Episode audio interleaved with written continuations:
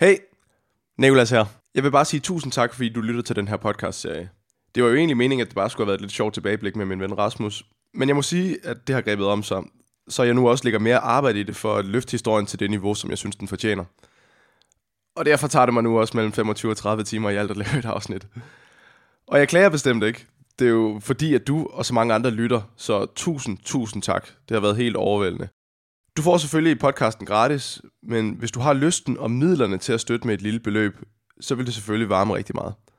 Det kan gøres på MobilePay på nummer 23 888 192 23 888 192 eller på PayPal. Det er paypal.me, altså p a y p a l.me, paypal.me skråstreg motocast. Der er allerede nogen, der har været så søde at øh, overføre nogle penge, og, og, øh, som ligesom sådan en tak og en støtte til projektet. Det vil jeg bare sige tusind, tusind tak for. Det var helt overvældende. Det havde jeg overhovedet ikke regnet med. Øh, så, så tusind, tusind, tusind tak til, øh, til jer, der allerede har, øh, har støttet en lille smule, så jeg kan sidde og, og lave podcast om aftenen, i stedet for at stå og bruge tid på at lave aftensmad, så kan jeg købe en, en duo i stedet for. Som sagt, kun gør det, hvis du har lysten og midlerne. Hvis ikke, så kan du selvfølgelig fortsætte nyde episoderne fuldstændig gratis, og du har virkelig noget at glæde dig til her i afsnit 4. Jeg garanterer dig, at det indeholder ting, du ikke vidste.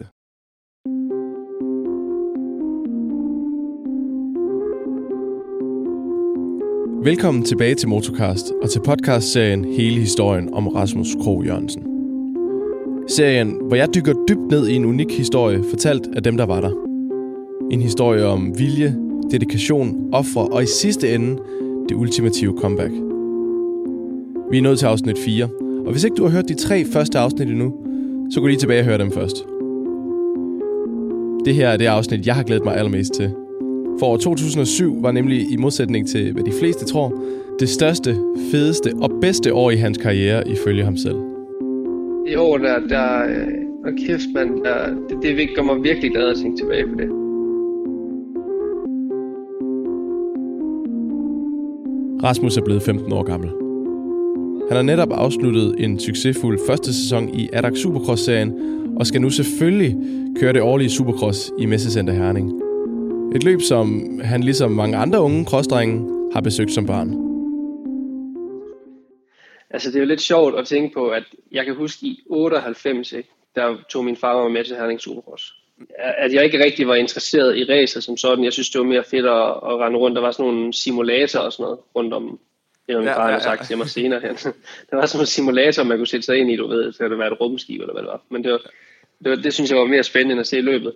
Men jeg kan huske, at, øh, at Jesper Kjær Jørgensen, han var deroppe at køre, og han kørte hjemme her, og så havde han sådan nogle, han havde sådan noget hvidt hår med sorte prikker på håret. Ja, ja, ja. Kan du huske det også? Ja, ja, jeg kan sagtens huske det.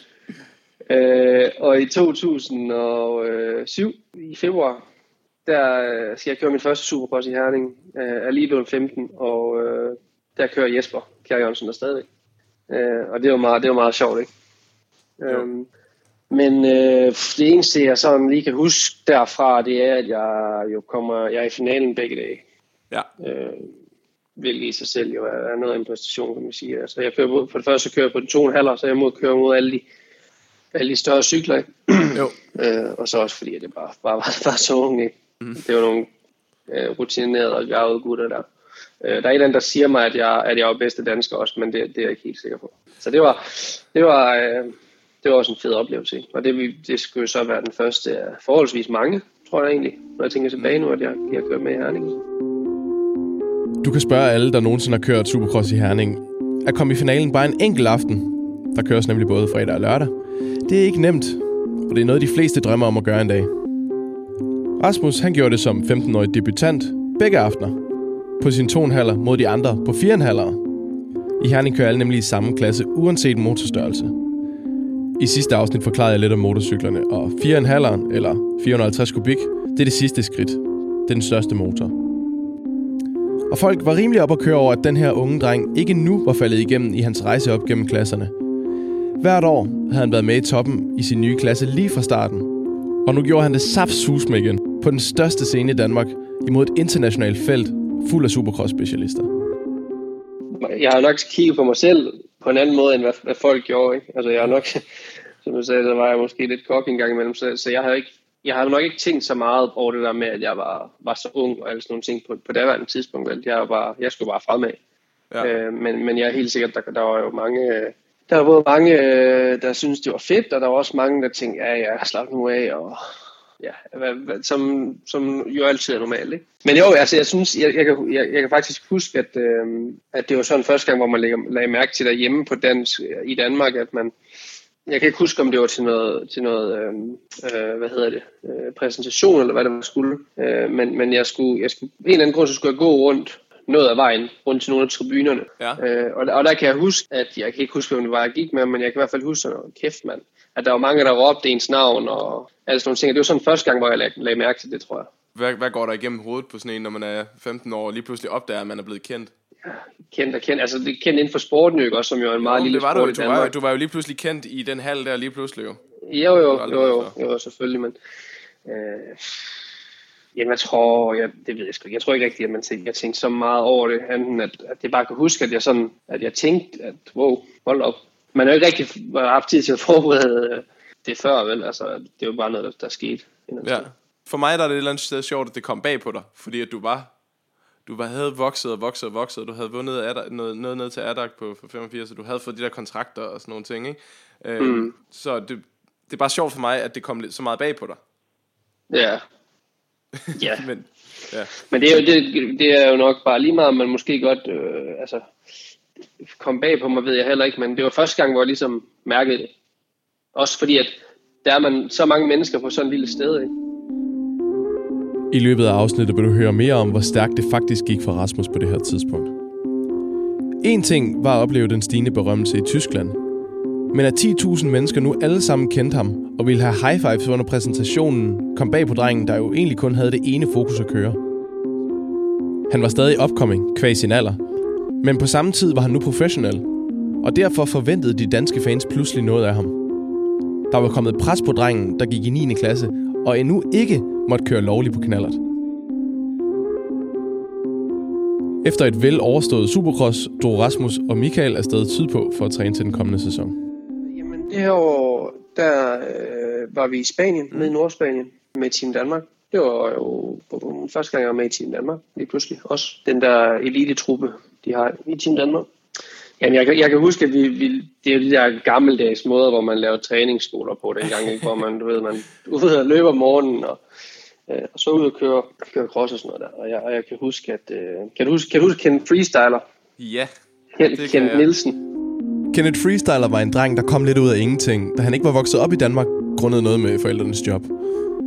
Pludselig en dag til et løb kom der en dreng ud af det blå, der lå og kæmpede med Emil og Nikolaj Larsen. Og hvis du kan huske, hvordan Emil og Nikolajs status var fra de tidligere afsnit, så var der et kæmpe kollektivt.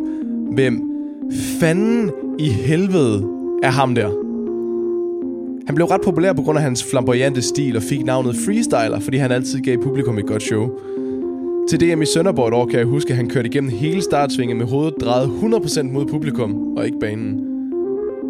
Kenneth havde kørt hele VM-serien året før, sammen med Nikolaj Larsen, Bo Wang og svenskeren Johnny Linde for det danske Team MX Shop. Ja, fordi han kom jo egentlig sted, var lige pludselig, og jeg har jo faktisk kendt, kendt fra, fra 2005 af til junior-VM, der øh, fuldtes ja, vi med, med, med Kente hans far. Mig og min far fulgtes med Kente hans far. Så lærte lærte vi ham at kende. Ja. Og knækken, han havde, han havde jo damp, altså helt vildt vanvittig damp, ikke? og rigtig, rigtig, rigtig sød fyr og sådan noget, slet ikke noget der. Og, og mm-hmm. lige pludselig bare var, var dygtig, ikke? og så gjorde tingene godt. Øh, og jeg kan, ikke, jeg kan ikke helt huske, hvordan han var ledes, men, men jeg mener, at han, øh, planen var, at han skulle ud og køre, øh, køre noget VM det år der. 2007 yes. på Yamaha. Ja, ja, ja. Men han var, han var i hvert fald dernede jo, og var, han kunne slå Nicolai Larsen nogle gange, og alle sådan nogle ting. Ikke? Og, og jeg har jo bare, alle sådan nogle challenges, jeg fik, lige meget hvad det var, ikke? Altså, som det har været hele min karriere. Altså, når der var nogen, der ligesom, man så en lille smule op til, eller der kørte stærkt, eller der var sådan, allerede havde lavet resultater på to og en halv, eller sådan nogle ting, det fik mig bare gejlet op, ikke? øhm, og fra, og fra dag et af, der kunne jeg følge med, øh, følge med kende, og var også lidt hurtig. Jeg kan huske, landstræner, han var sådan helt sådan helt, øh, det har været Bjarne Sjøren på det tidspunkt, tror jeg. Ja. Han var sådan helt, øh, ikke over at køre, men sådan helt paf over det. øh, men, det, men det sjove af historien, det er jo så lidt, at man, man kan sige, at mig og Ken, vi blev egentlig gode nok kammerater, og vi har hygget os sammen og så videre der. Men, men så, så kommer konkurrencegliden jo lidt frem i en, ikke? Og, øh, og Ken, han var altid, det kan du nok også godt huske, altid sådan kendt for at være en rigtig beskidt kører også, når det kunne godt, han kunne virkelig godt være, være en beskidt kører, altså køre, køre folk af og, ja. og køre hårdt på folk. Ikke? Og så snart jeg, når vi kørte hele og sådan nogle ting, så snart jeg kom op til kendet, eller kørte forbi kendet, så, så satte han bare hele butikken og satte den ind i siden på mig. Og det gjorde, han så, mange, det gjorde han så mange gange, at min far på et tidspunkt, Flyner, fuldstændig ud, fordi der var ikke nogen, der gjorde noget ved det. Altså, jeg, jeg var 15 år gammel, ikke? Og, øh, og Ken, han blev bare ved, fordi at han kunne ikke klare, at jeg kunne følge med ham og var være hurtigere end ham. Så han blev ved med at prøve at køre mig af. Altså, det lykkedes ikke for ham, tror jeg, ikke på noget tidspunkt. Måske en gang, hvor jeg bare væltede, væltede øh, stille og roligt sving. Øh, men der var ikke nogen, der ligesom gjorde noget ved det, så min far han, sådan lidt, han sagde til Ken, kan du for helvede ikke køre ordentligt, knægt, eller hvad? Det er bare, øh, vi er i januar eller februar måned. Altså, kør du, kør du ordentligt. Og han blev bare ved. Og så en eller anden dag, så min far var på Velpulk nede i Nordspanien, så flynede han bare. Min far, han sagde ikke noget. Han smed bare alt vores lort ind i bilen, og så kørte vi. Og så Nå. passer vi os selv. Så kører de ja. ikke med Team Danmark resten af den, den tur? Nej, nej, og var ikke, var ikke med, med Team Danmark mere. Altså. Okay. Ej, hvor vildt. Så, så, ja. og der var ikke noget, ja, der var ikke nogen, der, der turde sige noget til Kenneth, eller gad, eller, eller noget som helst, og så fik ja, han lov til at blive ikke. Min far, han havde jo, altså problemet var jo, at han var en sød dreng, Kenneth, ikke? Mm. Men der var bare et eller andet, der, der klikkede op i hovedet på ham, hvis det var, at tingene ikke gik på hans måde ude på banen, ikke? Ja. Øh, og min far, han havde ligesom prøvet at sige til ham, prøv at kende, altså, vi ligger og træner, kør ordentligt, lad være med at prøve at køre folk af, for vi kom til skade af det her, vi er kun i februar måned, ikke? Og så blev, så blev knækken jo bare ved med det, og så, til sidst så fik vi bare nok. Det gad ikke det mere. Så passer vi os selv, så kan jeg, så kan jeg ikke huske, hvor fanden. Jeg kan ikke huske, hvor vi kørte henad. Men Nej. vi kørte i hvert fald ud og træne for os selv. Ja, det endte heller ikke helt godt for Kenneth, men det er en anden historie. Vintertræningen alene uden Team Danmark var overstået, og Rasmus var nu klar til det år, der skulle gå hen og blive det bedste i hans karriere. Før ulykken. Det år, hvor målsætningen var at vinde ADM, vinde ADAC, og med hans egne ord, at sætte sig selv op til noget sindssygt i 2008. Ja, ja altså jeg vil lige starte med at sige, at, at for mig, når jeg tænker tilbage på min, min karriere inden ulykken, ikke? At, at for mig der 2007, det er det, der gør mig mest glad at tænke på. Det var det år, hvor, hvor jeg havde, øhm, ja, du ved, jeg havde bare den rigtige mentalitet, og, og du ved, ingen, ingen øh, bekymringer i livet. Bare ung og vil bare fremad, og tingene de flaskede sig bare. Ikke? Mm. Så, så i min relativt øh, rigtig korte karriere, jo altså på top top plan, ikke? øh, der er det faktisk det år, øh, og det burde jo ikke være på nogen måde, altså det burde jo blive meget, meget, meget bedre, men det kommer vi jo til på et, på et senere tidspunkt. Men, ja. men, øh, men det år, der, der øh, og kæft, man, der, det, det gør mig virkelig glad at tænke tilbage på det. Altså det, er, det var bare, du ved, man gik stadig i folkeskolen, ikke? Og, øhm, og, så, og så var man nærmest, nærmest professionel, ikke? Altså man, man var i skole lige når man kunne, og, og udover det, så, så var, trænede man og, og, og var ude at køre i udlandet og sådan noget. I, I 2006 jeg skrev jeg under med det der Inotech og tema Suzuki, som jo mhm. er et, øh, et stort Suzuki-team, og der hvor man egentlig gerne vil være. Ikke? Det, gik jo, det blev så senere hen fabriksteamet. Men der havde jeg jo så håbet, fordi jeg havde det så godt der, der ville jeg jo rigtig gerne have været blevet, når jeg skulle køre i udlandet. Men det var i og også med, planen, var det ikke det? Var det ikke planen, fordi du havde fået jo, jo. den kontrakt, jo, jo. og så var det meningen, at året efter skulle du køre to en halver der, med startpenge og alt det, I snakkede om? Ja, jo, lige præcis. Lige præcis. Jo, jo, altså jeg lavet en rigtig god kontrakt, og begyndte at tjene, tjene lidt penge også, og, øh, og så skulle jeg jo så køre de der Adak Youngster Cup, ikke? og jeg skulle mm. også øh, køre et par EM'er, hvis det lige passede, men EM'erne, det var ikke vigtigt. Altså det var sådan, jeg skulle bare lige ud og, og, og prøve til, ikke? fordi det var planen, jeg skulle det i 2008. Det er lidt sjovt. Den dag i dag ved Rasmus ikke, at der faktisk var endnu større planer for ham op til 2008, men det fortæller ham lidt senere i podcasten. Manden, der havde de planer, vil jeg gerne introducere nu. Han hedder Thomas Ramsbakker, og er den dag i dag salg- og marketingsdirektør for Fox i Europa. Han startede Inotech og Tema Suzuki-teamet, der blev til VM Fabrik Suzuki i år 2008. Hey, hey, hey. sorry, it was a bit was a bit difficult. I, I could imagine. I could imagine. I'm just happy that you that you want to take just a little bit of time to do this because uh, no, yeah, no, man, it's everything good. Uh, as I said, it's it's not a problem at all. Altså, det team, som Rasmus havde kørt for i år 2006, og det også var planen, at han skulle fortsætte med i år 2007. Jeg ringede til ham for at høre om hans minder omkring Rasmus, og spurgte ham først, hvorfor han i 2006 signede Rasmus og siden Philip du ved, Rasmus' svenske ven, der ødelagde skulderen på BMX-banen i Varde før Schoolboy? My plan was a, a little bit different when you see other guys doing uh, starting a team. They've been looking for success already in the master class, in the top class. But my idea was to give uh, kids a chance um, to build, uh, let's say, to build the next generation. And it doesn't matter where they are from. It doesn't matter in the end of the day what background they have. In the end of the day, it's all about the talent. So when I saw Erasmus in that time, it was like, okay, it was a combination. Eh? It was these twins from Denmark and Sweden. It was Philip and, and Rasmus. As the families traveled together, in the end, it was both of them. Total different characters. Yeah. Both of them super, uh, super interesting. I'm always a guy also looking into into the character of a person. And, and that was for me that with both of them being so interesting personalities to say, okay, both of them have, have this extra. And this was this was the point for me. Why why Rasmus at the end? Because I saw there I saw there this this kind of yeah differentiation against other riders. Som sagt var det altså planen, at Rasmus han skulle fortsætte i år 2007 på Thomas Ramsbakkers Inotech og Tema Suzuki Team. Men Suzuki Europa, altså dem, der sad med den store pengepunkt, både i forhold til Rasmus' løn, Thomas Ramsbakkers løn og det økonomiske fundament for hele Suzukis motocross-operation i Europa, inklusiv Inotech og Tema Suzuki, som Rasmus kørte for. Ja, de havde altså andre planer.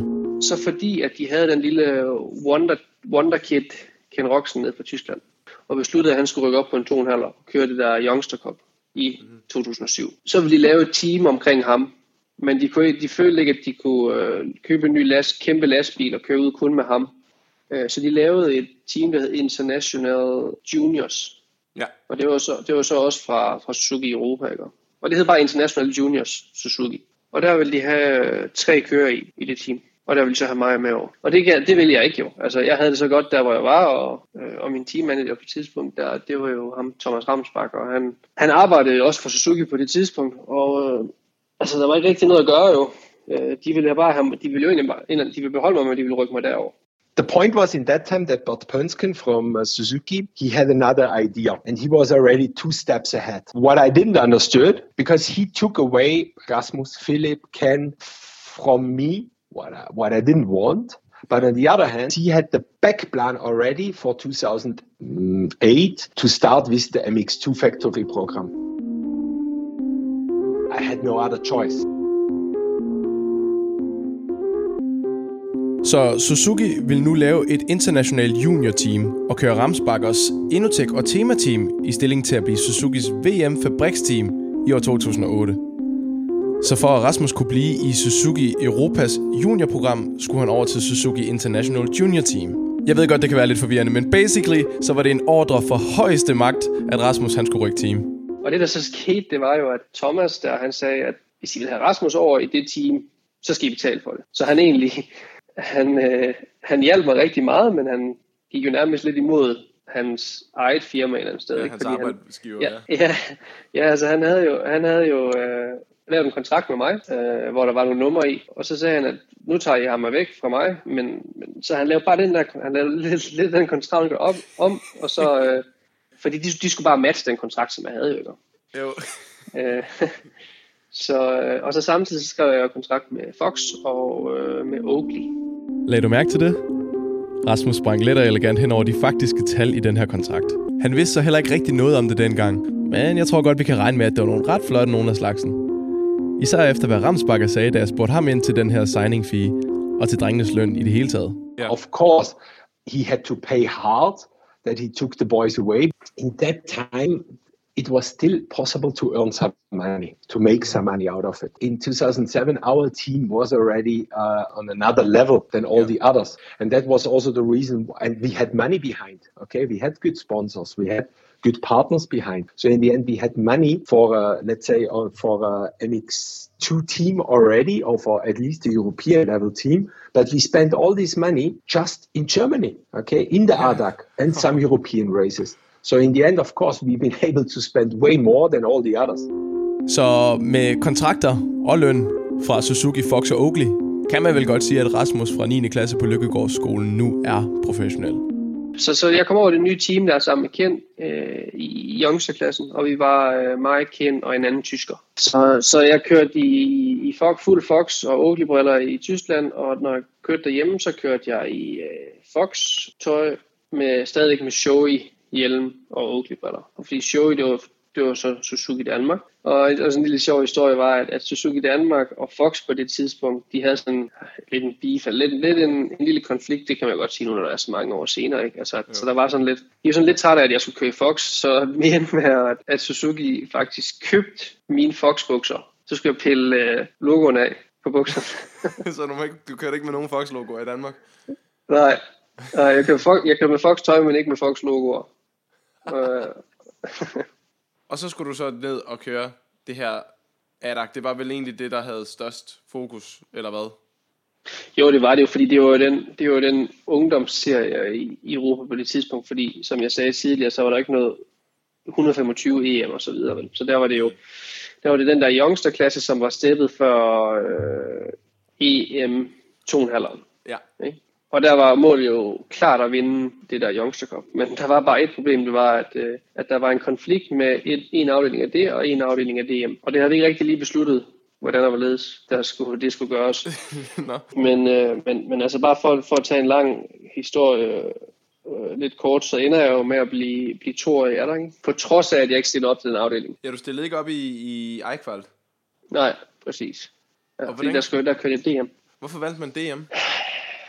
Ja, det er svært at sige, men, men altså, det ved jeg ikke. Nej. Det ved jeg ikke. Det, det, undrer, det undrer mig også lidt nu, når jeg tænker tilbage, og også specielt også fordi, at, at jeg jo jeg egentlig ikke har behøvet at køre alle DM Ja, den kommer vi til. Jamen, du endte jo med at tabe, du endte med at tabe Adak, du blev nummer to. Du endte med at tabe det med 10 point. Ja. Så havde du kørt den ja. der afdeling, så havde du alt andet lige, øh, så ja, så, andet lige bundet. Og, så havde, jeg, så havde jeg jo en udgået også øh, ja, i tennisfelt. For det, det kan jeg tydeligt huske, fordi der holdt jeg sammen med Stefan Kær. Nå. Der holdt der vi ka- en kaffepause. Jeg tror, jeg, jeg væltede, jeg kunne ikke starte cyklen, eller min crosser gik i stykker, eller sådan noget. Øh, og så gik det ikke så længe, så Stefan han væltede der, hvor jeg stod, og så kunne vi begge to ikke starte cyklen, og så stod vi bare der. Jeg var, bare, jeg var tosset. Jeg var tosset. Ja, det kan jeg godt forstå. Så ja, havde du faktisk havde du, havde du ikke udgået der? Ja, så Rasmus han endte med kun at blive nummer to i Adax-serien med kun 10 point op til nummer 1. Og det er jo vel at mærke med tre heat, han ikke havde kørt. Og når man kan få 25 point for en sejr i et heat, så var der altså 75 point, som Rasmus potentielt kunne have nået. Og med den måde, han kørte på det år, så vil jeg næsten æde min gamle hat på, at han nok godt kunne have fået 10 point i de her tre heat, som han missede. Men altså, det var, sådan var det jo bare. Ja. Øhm, og, øh, og andet sted, så, så vidste folk jo det godt jo, at jeg ikke stillede op der. Så. Men, ja, ja, så det, så det var jo, det var jo en, øh, altså jeg var den, der vandt, vandt flest heat af alle ikke, øh, det år. Øh, og havde en rigtig god sæson dernede, og øh, ja, det satte mig op til, år, til året efter igen, ikke? Så Rasmus gjorde det rigtig godt på det nystartede International Junior Team. Han var den bedste. Han kunne bare ikke rigtig mærke det, for den tyske wunderkind Ken Roxen fik det meste af opmærksomheden fra teamet. Det var lige præcis det, han frygtede, da han blev tvunget til at skifte. Teamet var jo bygget op om Ken, og Rasmus var der selvfølgelig fordi han var vanvittigt talentfuld, faktisk nok den bedste 15-årige i Europa, men også, som Rasmus sagde, for at Suzuki kunne retfærdiggøre så stor en investering.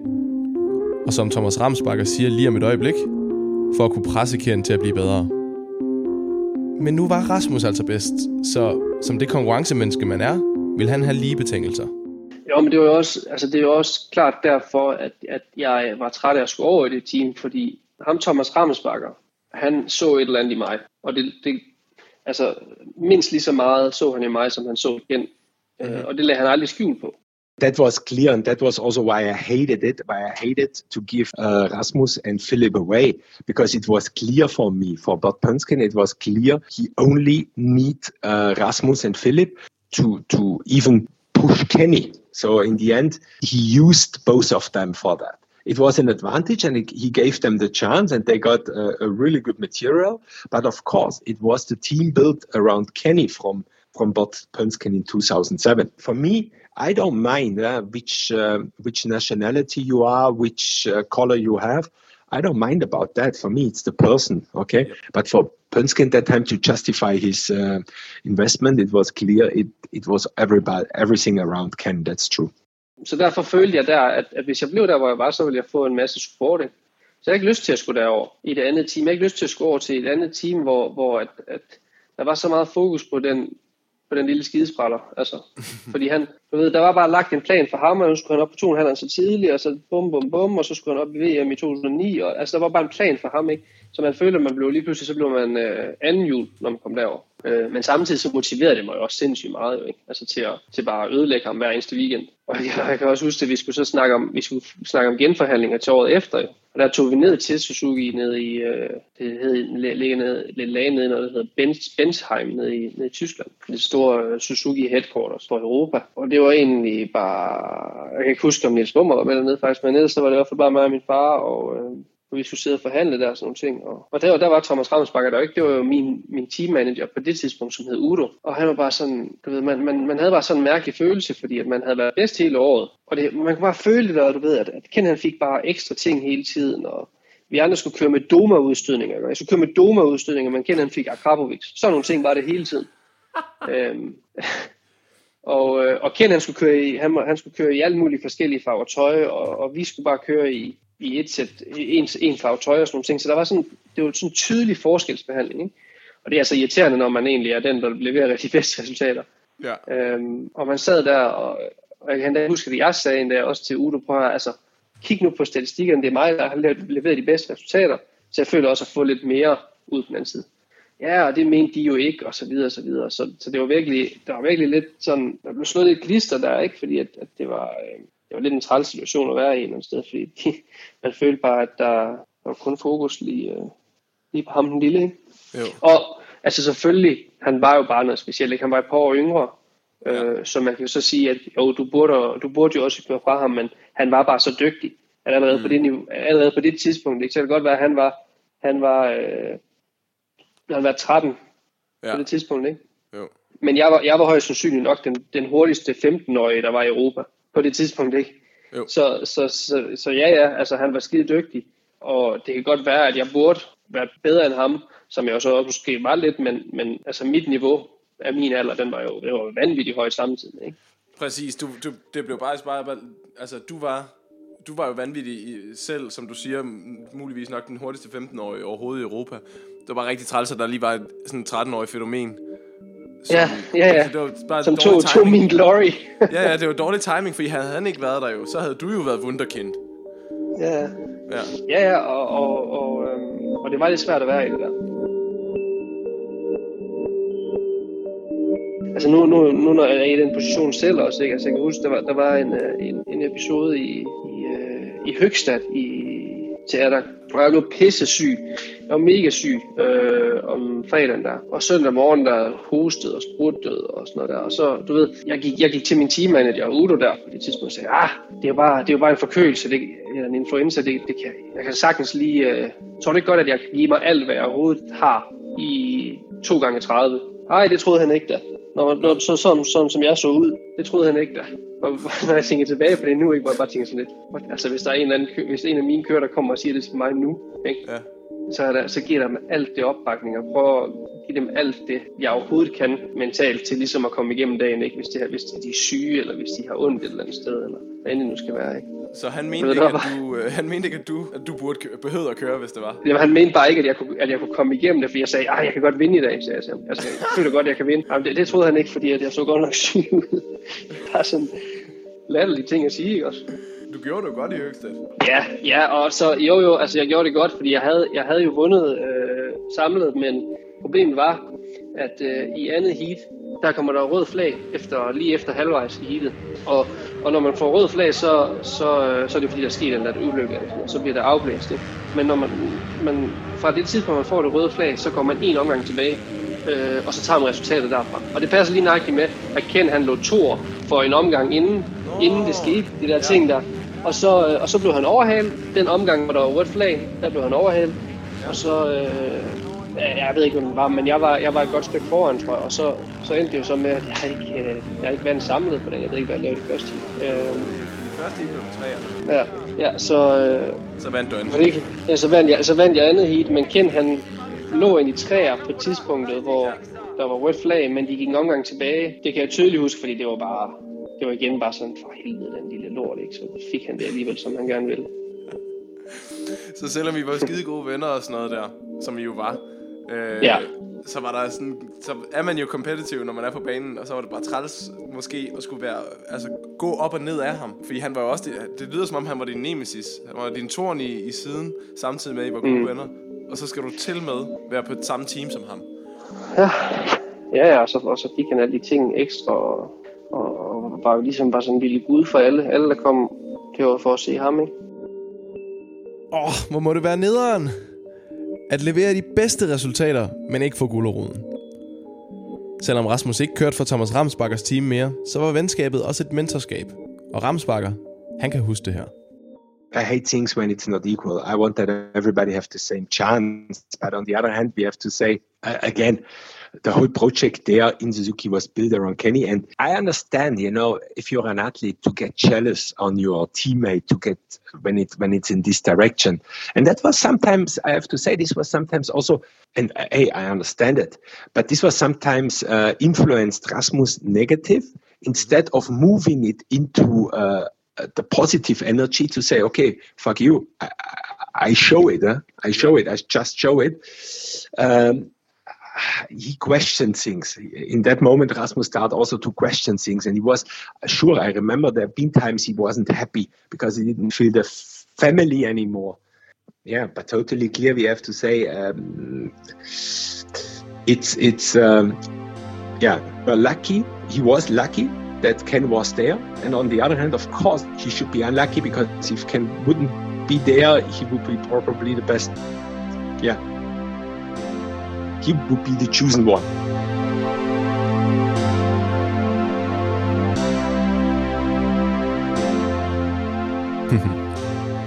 Den lille skidesprætter. Men på trods af, at Rasmus på det sportslige plan var frustreret over strukturen, så havde han det jo rigtig godt økonomisk. Han vidste bare ikke rigtig så meget om det, for det interesserede ham ikke rigtigt. Han ville bare vinde. Ja, men altså, det, det, er jo, det er jo lidt, det er lidt sjovt at tænke på nu, fordi at, at hvis man er 15 år gammel nu, ikke, det ved jeg jo på grund af kardiologi teamet nu, ikke, altså, mm. tjener ikke, altså, det tjener ikke nogen penge som 15-årig nu, vel? Så det er der nok mange, der vil, der vil sådan stus lidt over, men, men på det tidspunkt, der var jeg jo bare øh, et rigtig godt sted, ikke? På det daværende tidspunkt, der vidste jeg, altså der var det jo min far, der, der ligesom stod for de ting der, ikke også? Altså, jeg, jeg vidste jo ikke noget om det. Øh, rigtig, han prøvede bare ligesom at sætte mig så godt op som muligt, og få så meget, som vi ligesom kunne øh, ud af situationerne, og, og jeg kørte jo bare cross, ikke? Altså, jeg kan, jeg kan også huske, at, at når jeg fik de der præmiepenge, hvis jeg var oppe og hente præmiepengene, jeg var pisse ligeglad med penge. Fuldstændig. Jeg ja. gav min far det hele, ikke? Altså fuldstændig ligeglad med det. Så det tog han så bare af alt det der. Men hvis man tænker på, på alt samlet fra Suzuki og fra Fox og Oakley og fra øh, sponsorer som ting, så er det i hvert fald en rigtig, rigtig god øh, voksenløn, at jeg har tjent som, som 15-årig allerede. Jeg tror sgu ikke, der er mange, der ved, at dengang, der kunne det lade sig gøre, og, og du var måske mm. en af de få, som faktisk tjente en rigtig, rigtig god løn på at køre cross, mens du stadig gik i folkeskole. Og når vi siger rigtig god løn, så snakker vi, at havde du været et, voksen menneske på, på 45, så havde det stadig været betegnet som en rigtig god løn. Mm. Øhm, så ja. det har jo været fuldstændig utopisk løn for en, for en 15-årig, kan man sige. ja, men, men igen, så det jo ikke noget, jeg vidste noget om jo. Altså, det var ikke sådan, at jeg vidste, at jeg havde penge på kontoen, så jeg kunne gå ud og... Altså, det var bare... Det var bare min, min far, du ved, som der, der igen, så var jeg har været nogle, nogle steder på det rigtige tidspunkt, så man kan kalde det også held lidt og, og så videre og så videre, men man har været nogle steder øh, og mødt nogle mennesker på det rigtige tidspunkt, øh, og det har så ført til, til nogle rigtig gode øh, situationer, ikke? og det var jo bare, det var fedt, altså det er fedt at tænke tilbage på nu. Det er jo alt addet op sammen, ikke? fordi at, ja. at, at lønnen i sig selv fra Suzuki og startpengene og, og så videre, altså selvom jeg måske får, nu kan jeg ikke huske, hvad det var, om det var 1000 eller 2000 euro, jeg fik for, for hver løb, jeg stillede op til. Og jeg kørte jo også meget øh, normale tysk mesterskaber det år.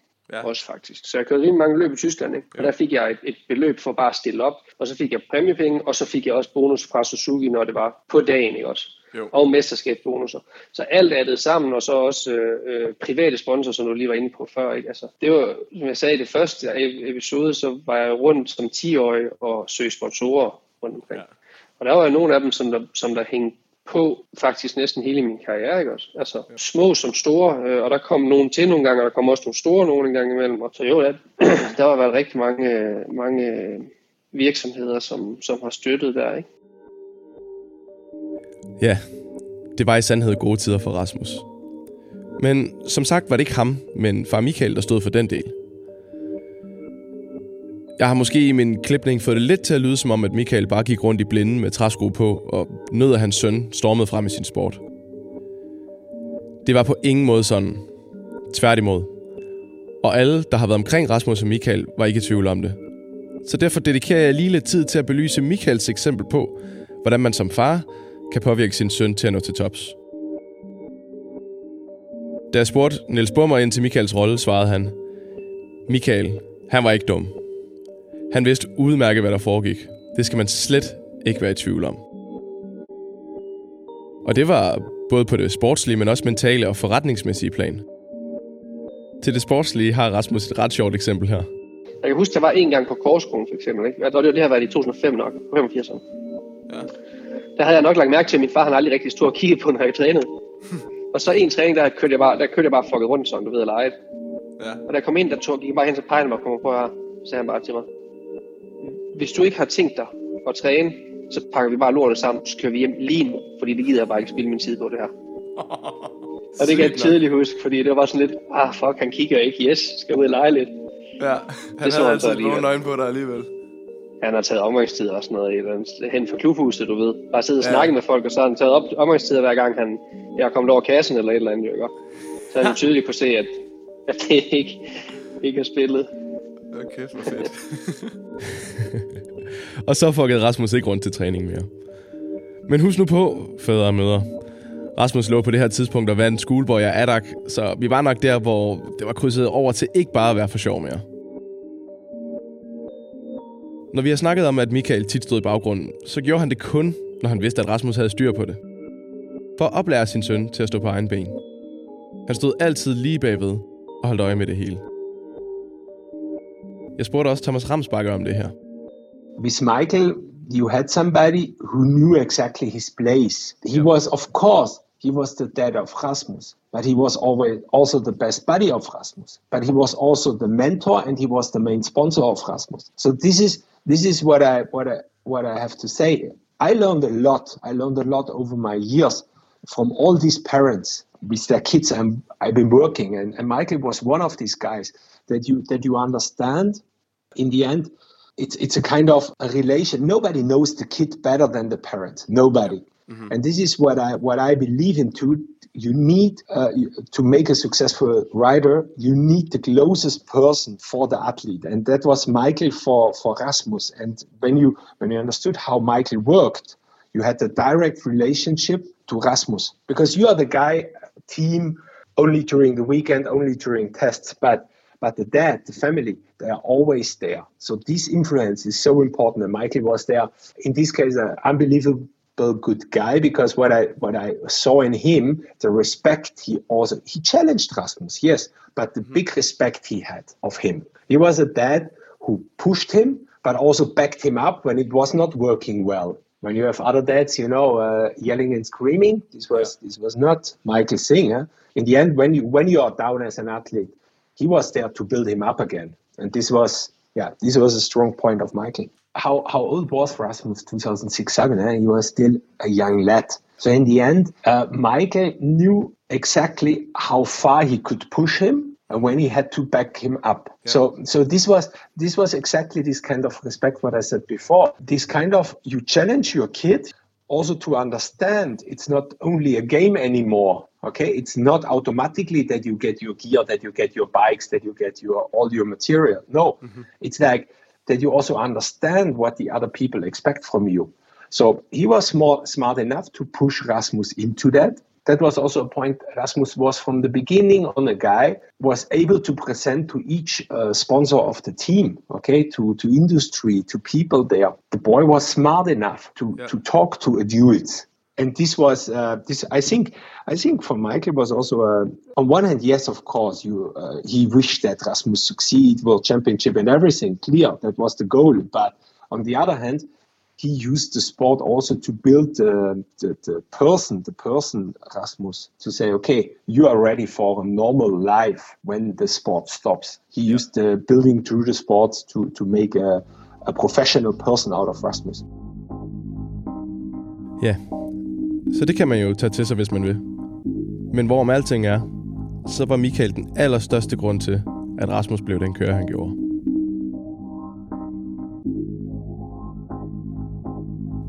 Vi var inde på det før, men grunden til, at Rasmus ikke vandt Adax-serien, var blandt andet, at han missede en afdeling, da der var DM samme dag.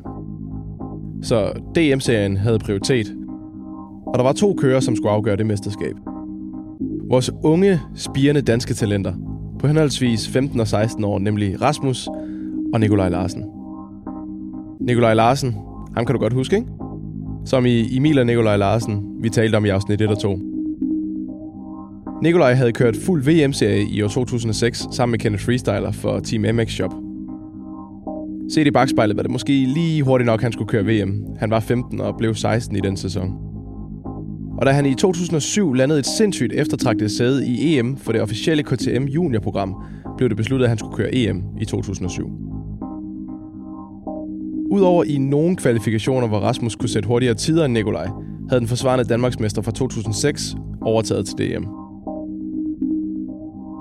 Rasmus sluttede som to år efter Nikolaj i hvert heat, lige ud over første afdeling, hvor vi havde besøg af to fuldvoksne VM-kørere.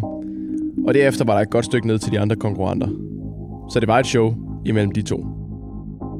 Rasmus, han var på det her tidspunkt så ultra fokuseret på sin sport, levede i sin helt egen lille boble og lukkede alt andet ude for at blive den bedste. Og han var på ingen måde tilfreds med, hvordan DM-sæsonen havde gået. Det hele kulminerede i Næstved. Nikolajs hjemmebane. Nikolaj havde misset et løb grundet Europamesterskabet, så Rasmus han kunne vinde mesterskabet en afdeling før tid. Som sagt, på Nikolajs hjemmebane. Det skulle blive et legendarisk løb. Ja. Jeg håber, der er mange af dem, som der lytter, som der har været over i næste. Fordi det var, kæft man, det var noget af en race. Husk lige tilbage på år 2004, hvor mesterskabet skulle afgøres på Mors, hvor drengene var 12 og 13 år gamle. Rasmus var lige rykket op i B85 Open, og Nikolaj var forsvarende mester. Nu, tre år efter, var Rasmus blevet fuldblods A-kører på en 2,5 takt. Sidste år kørte han jo ADM som B-kører på en 125, og igen var det Nikolaj, der var den forsvarende mester. Jeg bad Rasmus om virkelig at leve sig tilbage, og sætte sig i 15-årige Rasmus' sted den 19. august 2007. Og vi tager med.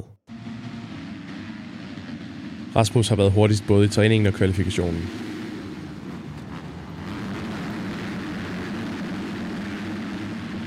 I første heat tager Mathias Keller starten. Nikolaj 4, Rasmus 3,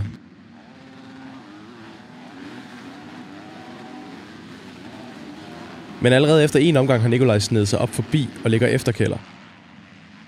På fjerde omgang overhaler Rasmus Nikolaj og sætter jagten ind på Keller, som han overhaler to omgange efter. Nikolaj følger med, og omgang efter går han i front.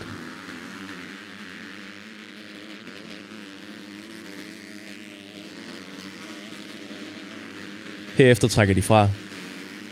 4-5 sekunder hurtigere end de nærmeste konkurrenter per omgang. Publikum var helt op at køre. Det var det, alle havde ventet på hele året. Den ultimative duel imellem de måske to største talenter, vi nogensinde havde set i Danmark. Ja, det var voldsomt. Øhm, Nikolaj, øh, som jeg husker det, ikke også, altså nu er det jo mange, mange år siden, men, men Nikolaj han fører, øh, og jeg begynder så at hente ham. Og kommer op til ham og kører forbi Nikolaj sidste, sidste omgang. Og, øh, og to, han var to sving før mål. Der går han sådan på yderen af mig, og jeg går bare på inderen. Og så er der sådan et, et, et kassehop ned i en af de der huller, som der er over i Næstved. Ikke?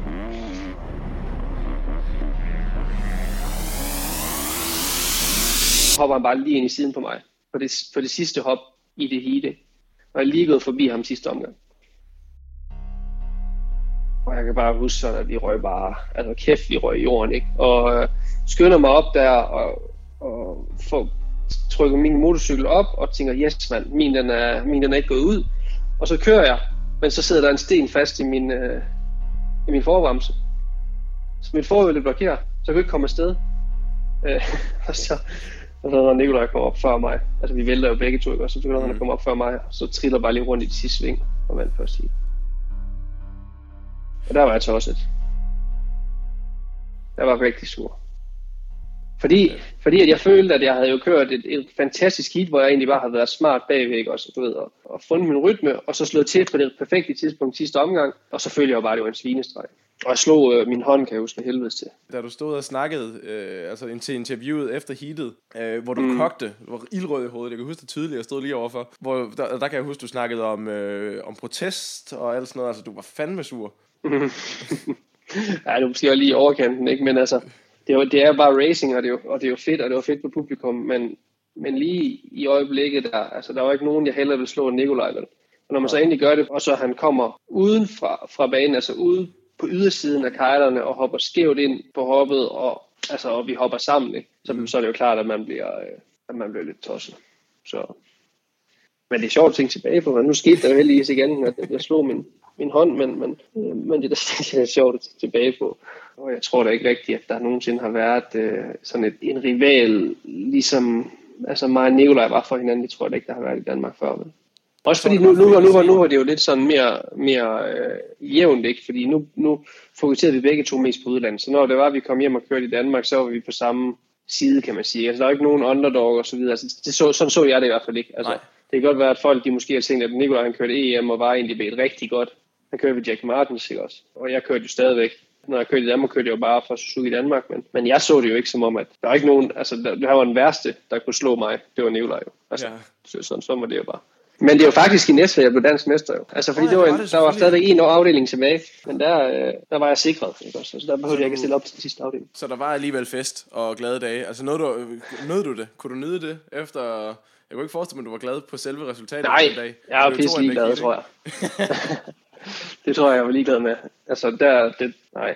Fordi det var jo, det var jo så langt foran alligevel, ikke? Selv hvis jeg ikke havde vundet der også, og gjort det i Sønderborg. Men, men øh, nej, jeg tror, jeg tror ikke, jeg har været særlig glad, da vi kørte hjem derovre fra det. Her slutter episode 4. Med Rasmus, nykåret Danmarksmester. Det er dog ikke afslutningen på 2007, for der mangler stadig blandt andet junior-VM og EM i Randers. Løbet, hvor Rasmus skulle gå hen og levere et af årets største overraskelser. Ikke bare i Danmark, men på den internationale scene. Tusind tak, fordi du lyttede til Motocast. Husk at fortælle dine venner om den. Og hvis du kan lide den, så kan du støtte den på MobilePay 23 888 192 eller på paypal.me-motocast. Altså MobilePay 23 888 192 eller paypal.me-motocast. Husk at abonnere på podcasten i din podcast-app så kan du få næste episode direkte ned på din telefon, når den dropper på fredag. Og når du er derinde, så vil det hjælpe helt vildt meget, hvis du også vil anmelde podcasten. Min mor har givet 5 stjerner. Podcasten er lavet af mig. Tak til Mie Pedersen og Mikkel Vendelbo for grafik. Tak til Thomas Ramsbakker og Niels Bummer. Mit navn er Nikolas Skrøder. Vi høres ved.